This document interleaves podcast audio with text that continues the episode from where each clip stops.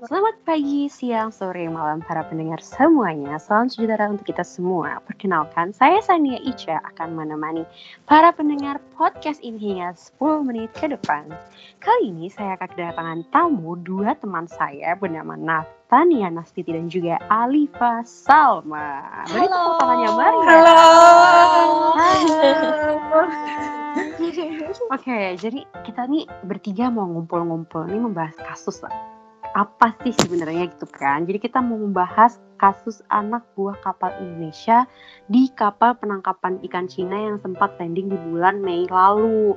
Dan kasus ini pertama kali dimuat oleh stasiun TV MBC yang berasal dari Korea Selatan. Nah, menurut Alifa sama Nia nih, gimana sih pendapat kalian waktu berita ini keluar gitu? Oh bulan lalu ya, waktu aku dengar berita ini tuh jujur kaget banget. Kaget itu karena pada akhirnya kan kita tahu nih gimana ABK Indonesia itu diperlakukan di kapal Cina ini. Diperlakukannya dengan dengan sangat buruk, terus lingkungan kerja juga eksploitatif. Nah, akhir hal ini tuh akhirnya terkuak dari gimana diskriminasi penggunaan air mineral itu hanya diberikan ke pekerja Cina. Sementara ABK Indonesia tuh cuma dikasih air laut yang filtrasi, yang difilter. Selain itu juga pekerjaan yang mereka lakukan itu sangat-sangat berat dengan waktu istirahat yang minim. Bayangin mereka kerja selama 30 jam nonstop dengan istirahat hanya 6 jam. Habis itu juga pemberian gaji mereka sama sekali nggak layak berdasarkan pengakuan salah satu pengakuan salah satu ABK Indonesia di media Korea. Itu lima nelayan yang bekerja selama 13 bulan itu cuma digaji 1,7 juta.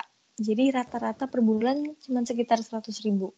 Itu sangat tidak sepadan dan sangat miris karena proses penangkapan ikan kan itu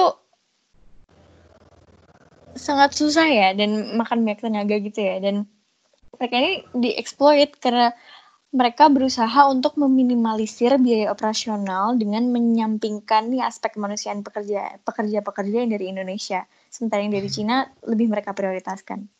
Di samping perlakuan inhuman itu yang dari awal awak kapal Cina, hmm. ternyata tuh si ABK-nya itu juga kayak ini ngasih tahu gitu fakta kalau ternyata tempat mereka bekerja itu emang di kapal yang melakukan tindakan ilegal. Jadi mestinya kayak kapal itu hanya menangkap tuna, tapi ternyata juga nangkap ikan lain tuh yang nggak dibolehin, kayak misalnya hiu. Nah, hmm. terus dengan adanya hal itu tuh, um, mereka akhirnya bisa memberitakan informasi ini pun juga karena mereka berhasil untuk berlabuh di pelabuhan Busan itu di Korea Selatan, hmm. dan juga uh, yang bikin akhirnya Korea Selatan tuh bisa apa ya kayak sadar dan akhirnya mau meliput ini karena emang mereka membawa bukti yang berupa video tuh. Nah, videonya kan sempat menggemparkan kan yang berupa uh, proses pelarungan salah satu ABK Indonesia yang bernama Ari yang dilarung 30 Maret lalu karena dia meninggal. Nah, adanya pelarungan itu itu kayak um, apa ya? menjadi suatu hal yang kontroversial karena emang um, hal ini nggak sesuai sama apa yang udah di perjanjian di awal mereka daftar kerja itu sendiri. Harusnya kan kalau misal ada suatu hal di luar kendali kita kayak misalnya ada yang meninggal tuh harusnya di uh, kremasi kan. Sehingga ini jadi kontroversi dan juga ada kayak desas-desus ternyata ABK tersebut tuh uh, diduga meninggal karena kecapean terus juga overwork dan juga uh, kayak di treat dengan tidak layak gitu. Kalau aku sendiri sih ngerasa bahwa masalah ini tuh adalah isu keamanan ya di mana Indonesia tuh sebagai uh, pemerintahan harusnya mampu kayak memberikan perlindungan itu bagi para individunya termasuk ABK yang bekerja di kapal Cina tersebut. Iya sih, benar banget setuju banget sih apa yang disampaikan Nia maupun Alifa. Terus juga latar belakang itu juga jadi menyadarkan kita gimana aspek perlindungan pemerintah Indonesia nih terhadap warga negaranya masih minim banget gitu. Kayak kalau misalnya ini nggak viral di TV atau di media mana pun itu pasti nggak bakal di concern gitu kan. Dan sebenarnya kalau kita refleksikan persoalan ini bukan yang pertama lagi, namun baru sekarang aja bisa sampai ke kita terus dan terliput dan uh, juga respon pemerintahnya ini loh yang bikin bergetan karena masih simpang siur dan juga kayak mempertanyakan kitanya sendiri kayak Seberapa serius sih pemerintah dalam penanganan kasus ini dan menurut kalian sendiri nih Ali dan Nia, bagaimana hal ini kemudian mampu mempengaruhi keamanan Indonesia dan apa sih langkah yang semestinya dilakukan dalam jangka pendek maupun panjang? Mengutip kata Bu Susi nih ya, Cek. unreported, uh, illegal, unreported, unregulated fishing atau IUU fishing yang terjadi di kapal ikan dan perbudakan itu dua hal yang nggak bisa terpisahkan. Kalau dari penanganan pemerintah ya tentunya harusnya mereka bisa menjamin keamanan bagi ABK tersebut. Bukan cuma ABK yang berada di kapal perusahaan yang kemarin viral nih, tapi juga semua anak buah kapal yang bekerja di laut lepas sana. Karena negara terdiri dari individu dari manusia-manusia di dalamnya, sehingga keamanan Indonesia bisa terjamin apabila ia mampu melindungi rakyatnya. Nah, selain itu, ini juga merupakan hak bagi para ABK sebagai individu untuk dilindungi oleh negara. Ya, di masa ini kita sebagai masyarakat harus bisa terus controlling ya, istilahnya untuk mengerti seberapa besar sih usaha pemerintah untuk menjamin keamanan ABK dari perbudakan. Dan kalau mau lebih jauh lagi, tentunya untuk menjauhkan mereka dari praktik penangkapan ikan ilegal tersebut. Nah, karena kalau dibahas lebih jauh lagi, tentunya masalah ini berkaitan dengan keamanan maritim internasional. Kalau secara jangka pendek sih, Indonesia sejauh ini udah melayangkan memo diplomatik ke kedutaan sana dan memanggil dubes Cina untuk Indonesia, Xiaoqian untuk membahas kasus ini. Tapi kalau untuk setelahnya sih kita belum tahu lagi. Oke, jadi dua hal ini memang saling berkaitan ya, kayak sifat ancaman yang ada di sini juga malah menjadi persoalan multinasional karena menyangkut hubungan pihak awal kapal Cina ABK Indonesia dan juga kawasan teritorial negara yang bersangkutan dalam penangkapan ikan ilegal gitu kan. Dan ancaman ini sepertinya sangat membuat kita kaget karena laut yang biasanya dapat menjadi pembatas dari teritorial negara malah jadi ladang bagi kegiatan eksploitatif gitu kan. Dan mungkin lebih dispesifikin lagi dalam konteks pemerintah Indonesia untuk menangani kasus ini apa sih yang sepertinya dilakukan mungkin kayak Tentunya dengan melihat keamanan melalui konsep resiko dan melihat juga perkembangan media massa yang mampu menyadarkan kita tentang ancaman keamanan ABK mungkin ya.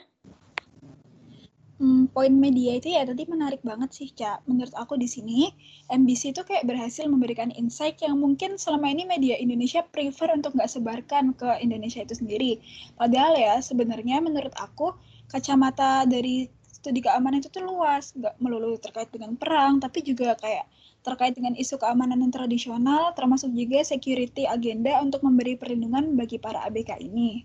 Nah, untuk langkah yang bisa diupayakan sih menurut aku, hmm, Indonesia semestinya itu mampu menyoroti masalah-masalah keamanan individu ini lebih apa ya kayak lebih dalam gitulah istilahnya kayak simpelnya gimana pemerintah Indonesia tuh harusnya mampu untuk menjamin keamanan tingkat dasar individunya untuk kemudian mampu menjaga keamanan negara di tingkat internasional yang perlu ditingkatkan di sini itu menurut aku adalah konsistensi untuk menyelesaikan kasus ini, baik dengan mengadakan pertemuan diplomatis atau hal-hal lainnya.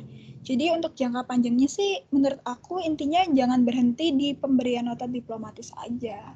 Setuju banget nih. Selain itu, kita sebagai pemerintahan tuh juga perlu meninjau ulang tata kelola perlindungan ABK dan turut aktif dalam meningkatkan keamanan maritim. Misalnya dengan mengagendakan inspeksi kapal ikan jarak jauh secara rutin untuk menjamin kapal tersebut tidak melakukan tindakan ilegal dan menjamin kapal tersebut memperlakukan awaknya dengan manusiawi.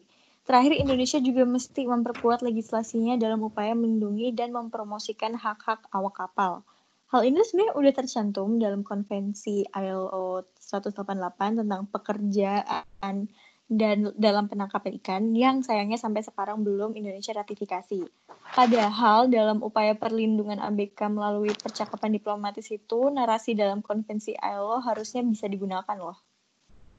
Iya, mungkin uh, kayak ada plus minusnya ya dalam tadi ada yang bilang kayak untuk memperkuat undang-undang, ada yang juga mungkin kayak jangka pendeknya yang sekarang udah dilakukan adalah uh, melakukan hubungan uh, diplomatis antara dua negara dan segala macamnya. Dari apa yang telah disampaikan mungkin rekomendasi tadi ada kelebihan dan kekurangan dari masalah ini sih. Dari kelebihannya yaitu mungkin meningkatnya power media luar sehingga berita ini mampu sampai ke Indonesia akhirnya viral. Tapi kekurangannya ya Indonesia diuntungkan dari media tapi bargaining power Indonesia tuh bisa dibilang lebih lemah dibanding Cina karena Indonesia masih bergantung dengan ekonomi Cina gitu kan dan untuk saat ini mungkin harapannya Indonesia bisa dapat terlibat langsung dalam investigasi kasus ini dan juga konsisten dalam menyelesaikan kasus ini sih.